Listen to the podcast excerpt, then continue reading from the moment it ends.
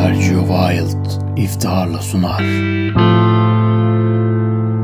Bengesel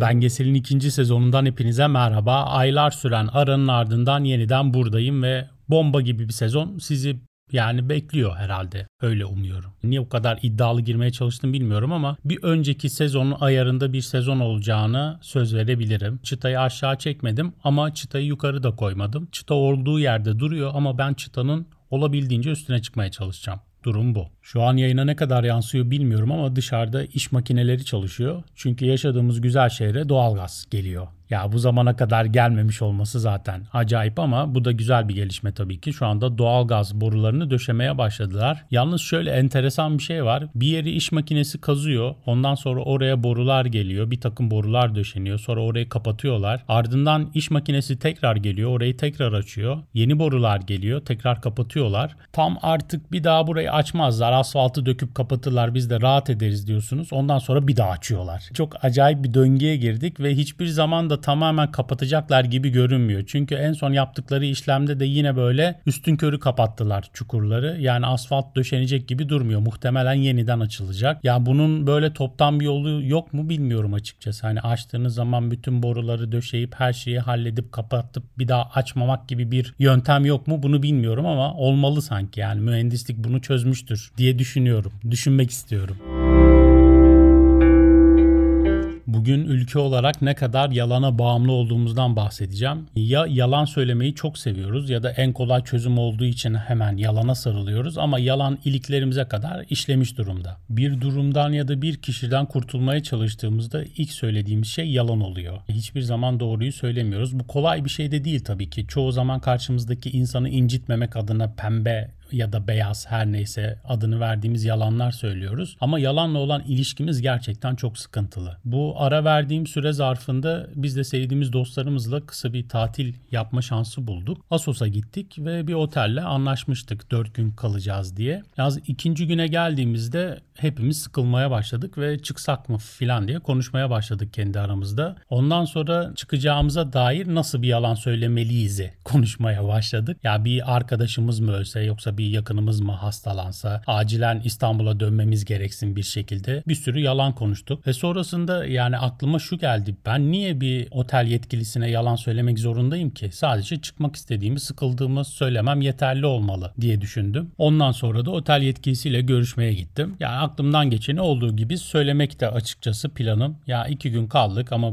burası bizi çok sarmadı. O yüzden çıkmak istiyoruz. Kusura bakmayın sizi de mağdur etmek istemeyiz ne gerekiyorsa yapalım filan diye söyleyeceğim. Ben çıkmak istiyoruz dediğim anda otel yetkilisi durumu öyle bir üzerine aldı ki dumura uğradım. İşte bir kusurumuz olduysa lütfen söyleyin ne gerekiyorsa yapalım. Herhangi bir hatayla mı karşılaştığınız yemeklerde mi sorun var, temizlikte mi sorun var sayıyor da sayıyor. Yani bir an için artık gerçekten keşke yalan söyleseydim. Bir arkadaşımız vefat etti İstanbul'a dönmemiz gerekiyor noktasına geldim bir yerden sonra ama söylemedim. Keşke söyleseydim daha kolay olacaktı. Çünkü bizim keyfi bir şekilde çıkacağımızı öğrenince otel yetkilisinin tavrı tamamen değişti. O mahcubiyet duyan yetkili gitti. Yerine bayağı bizim amirimizmiş gibi konuşan biri geldi. İşte siz bize 4 demiştiniz ama 2 günde çıkıyorsunuz. Neyse bizim için sorun değil. Biz zaten her halükarda yeni rezervasyon alırız. E, odaları kontrol edeceğiz. Herhangi bir eksik var mı falan diye. Tabii ki dedim ne gerekiyorsa yapın. Biz de hesabımızı keselim ve ayrılalım. Yani burada tabii ki bir yakınımızın rahatsızlığıyla ilgili bir yalan söylemek çok daha kolaydı. Ama ben açıkçası biraz ya kendimi iyi hissetmiyorum.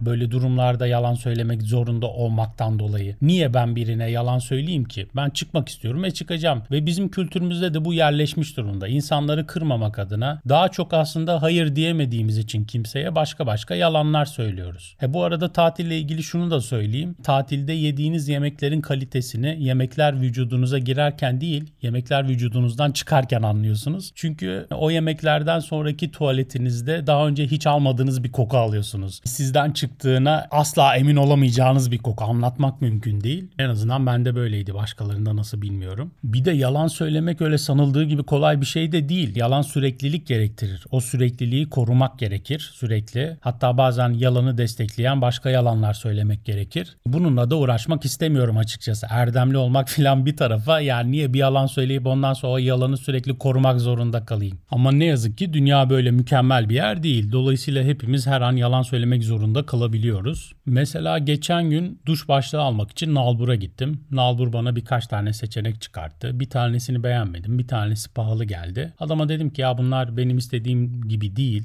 bana uymuyor. O yüzden başka yerlere de bakacağım. Ben başka yerlere bakacağım deyince adam bozuldu. Sanki oradan almak zorundaymışım gibi. E normalde ne yapıyoruz? Adama bir yalan söylüyoruz. Ne bileyim üstüme çok para almamışım. İşte bir bakmak için geldim sonra almaya geleceğim falan gibi bir şey söylemem gerekiyor adama. Adam da buna alışmış çünkü biz bunu alıştırmışız aslında. Yalnız benim bir tanıdığım var. Yalanın sürekliliğine asla takılmıyor. Yalanına hiçbir zaman sahip çıkmıyor. Sahip çıkmak zorunda hissetmiyor kendini. Ya mesela benden sürekli para ister bu tanıdığım. Düzenli olarak ister yani. Borç ister ama geri vermek üzere değildir borç onun nazarında. Alır ama vermez. Neyse bu beni düzenli olarak arıyor borç para istemek için. Her seferinde de farklı farklı yalanlar söylüyor. Ben ilk birkaç keresinde verdim hani gerçekten ihtiyacı vardır diye ama sonrasında gerçekten artık yalanlar öyle tutarsız bir hale geldi ki. Mesela bir tanesinde diyor ki ev kredisine girdim işte maaşlar oraya tamamen bağladık bir şey kalmıyor. Bu ay bana biraz yardımcı olur musun? Ben işte o ay şu anda yardımcı olamam kusura bakma diyorum. Sonraki ay tekrar arıyor. Bu sefer diyor ki ya işte ev sahibi kiramızı yükseltti. Ben mesela ona asla şey demiyorum. Ya sen geçen ay ev almamış mıydın zaten? Kira nereden çıktı diye asla söylemiyorum. Mesela bir sonraki aramasında da diyor ki ya arabayla çok kötü kaza yaptım. Kasko da karşılamıyor. Benden kaynaklanıyormuş falan diye. Çok acil nakit lazım. Yardımcı olur musun diye başka bir arama yapıyor. Mesela ondaki artık bu vurdum duymazlık mı, özgüven mi neyse hayranım ona bir taraftan baktığın zaman. Çünkü hiç yani yalanın arkasını hiç kollamıyor. Ben de bu rahatlıkta olsaydım açıkçası ben de yalan söylemekten çok imtina etmezdim. İşin aslı kendi hayatımda yalan söylememeye özen gösteriyorum. Saçma sapan şeyler için yalan söylemek zorunda olmak açıkçası kendimi küçük düşmüş gibi hissettiriyor bana. O yüzden vazgeçtim bundan ama özellikle esnafla olan ilişkilerde bu yalan olayı demin bahsettiğim gibi ya da daha farklı şeylere yol açabiliyor. Bunları da göğüslüyorum, kucak açıyorum bunlara. Böyle kişisel gelişim zırvası gibi oldu ama esnafla benim yalan söylememem dışında bir problem daha yaşıyoruz. O da benim paraya dokunmayı sevmemem, onların da vergi vermeyi sevmemesi. Bunların ikisi nasıl alakalı diyecek olursanız ya ben sürekli kartla ödeme yapmayı seviyorum. Çünkü paraya dokunmaktan hoşlanmıyorum. Para kirlidir sonuçta. Hem gerçek anlamda hem de mecaz anlamda. Bu didaktik yorum da gerçekten güzel oldu. Neyse ya esnafımız vergi vermekten hoşlanmıyor. Tabii ki vergiler yüksektir, şudur budur onlara girmiyorum ama yani en çok kazanan kazananından en az kazanana kadar kimse memlekette vergi vermeyi sevmiyor. Dolayısıyla kartla alışveriş yaptığın zaman onlara fatura kesme zorunluluğu getirmiş oluyorsun ve kayıt dışı olmuyor bu. O yüzden vergi vermek zorunda kalıyorlar. Kimse de vergi vermek istemediği için kartla alışveriş yaptığın zaman genelde yüzler ekşiyor. Geçen gün şöyle bir şey yaşadım. Kargodan bir paketimiz geldi. Ödemesi bizim taraftaydı. Kargocu getirdi, teslim etti ürünü. Dedi ki işte şu kadar bir ödemesi var. Baktım ki üzerimde nakit yok. Ya dedim post yazınız falan yok mu? Yok dedi biz nakit alıyoruz. Öyle bir kaldık ne yapsak ne etsek diye nasıl olacak falan diye. Kargocudan IBAN istemek zorunda kaldım. Daha önce hiç görmediğim bir insan IBAN'ı alıp ona para gönderdim. Bir de yani bu insan başka işlerle uğraşıyorsa yarın öbür gün ne bileyim kriminal bir şeye bulaşırsa benim hesabımdan ona para gittiği de belli. Neyse ben açıklamalara yazıyorum zaten kargo bedelidir diye. Ya da artık her ne bedeliyse çünkü bu sürekli başıma geliyor. Kartla ödeme almayan yerlere genelde EFT gönderiyorum. Neyse bir de mahcubiyet duyuyorum tabii ki. Çünkü bu kargocu gittiği zaman hesap vermek zorunda. İşte aldığı şu, verdiği şu, gelen bu diye filan. E ben ona böyle bir EFT yaptığım zaman gidip o EFT'yi çekmesi gerekebilir. İşte ATM'ye gidecek, bankaya gidecek. Belki uzakta bir yerdedir. Bu da ona külfet olacak. Dolayısıyla bir bahşiş filan eklemem gerekiyor. Çok daha külfetli oluyor aslında bu takıntım bana. Zaten bütün takıntılar böyle aslına bakarsanız sürekli başıma iş açan takıntılarım var ama bir türlü de vazgeçemiyorum. Ben kart kullanmaya bir de çok erken başladım. Yani böyle orta 3'teyim ya da lise hazırlıktayım. Yani o civar. Tabii bankalar o zaman böyle çok gençlere yönelik kurumlar değildi. Gençleri çok gözeten kurumlar da değildi. henüz onlardan para kazanabileceklerini düşünmemişlerdi demek ki. Neyse babamdan para almak artık benim gücüme gitmeye başladı. Böyle ergenliğin verdiği bir asilik de var tabii. Gidip babama dedim ki ben bundan sonra senden böyle harçlık falan almam. Sürekli gelip gidip böyle bana para ver demem. Bunu dedikten sonra insan şey bekliyor. Ben artık kendi paramı kazanacağım. Senin paranı istemiyorum gibi bir şey bekliyorsunuz belki de öyle olmadı. Dedim ki ben bankada bir hesap açtıracağım. Bundan sonra aylık olarak oraya yatırırsın harçlığımı. Ben oradan çekerim böyle elden güzel değil. Tabii Mardin'deyiz. Banka seçeneklerimiz de kısıtlı. Ya aslına bakarsanız o zaman Türkiye genelinde de banka seçenekleri kısıtlı. Hele gençler için ya hesap açtırmak için torpil kullandım neredeyse. Banka müdürünü tanıyorduk. Gittim artık neydi adı bilmiyorum. Bir şey amcaydı. Dedim ki böyle böyle bana bir hesap aç babam oraya yatıracak falan. Yani bir şekilde hallettiler. Torpille açtık hesabı. İşte o gün bugündür banka kullanıyorum, kart kullanıyorum, parayı ellemiyorum. Konunun başına yani yalana dönecek olursam yalan hayatımızın her alanına sirayet etmiş durumda. İş hayatımızda var, özel hayatımızda var, ticaretimizde var. Dolayısıyla her şekilde yalan söylüyoruz. Bunu sadece şehrin azgın kapitalizmi içinde değil, köyde de görüyorsunuz. Yani köylüler de aynı şekilde yalan söylüyor. Köylüler de masum değiller. Köylülerin mesela zincir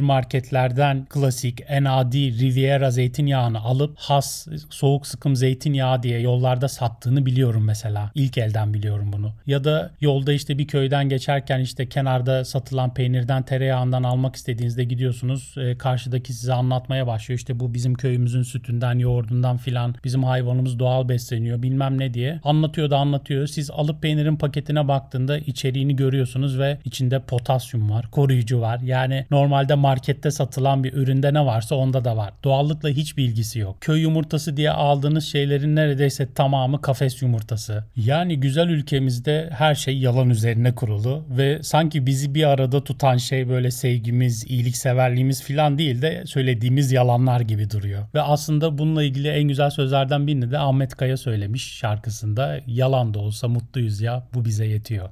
Hoşçakalın.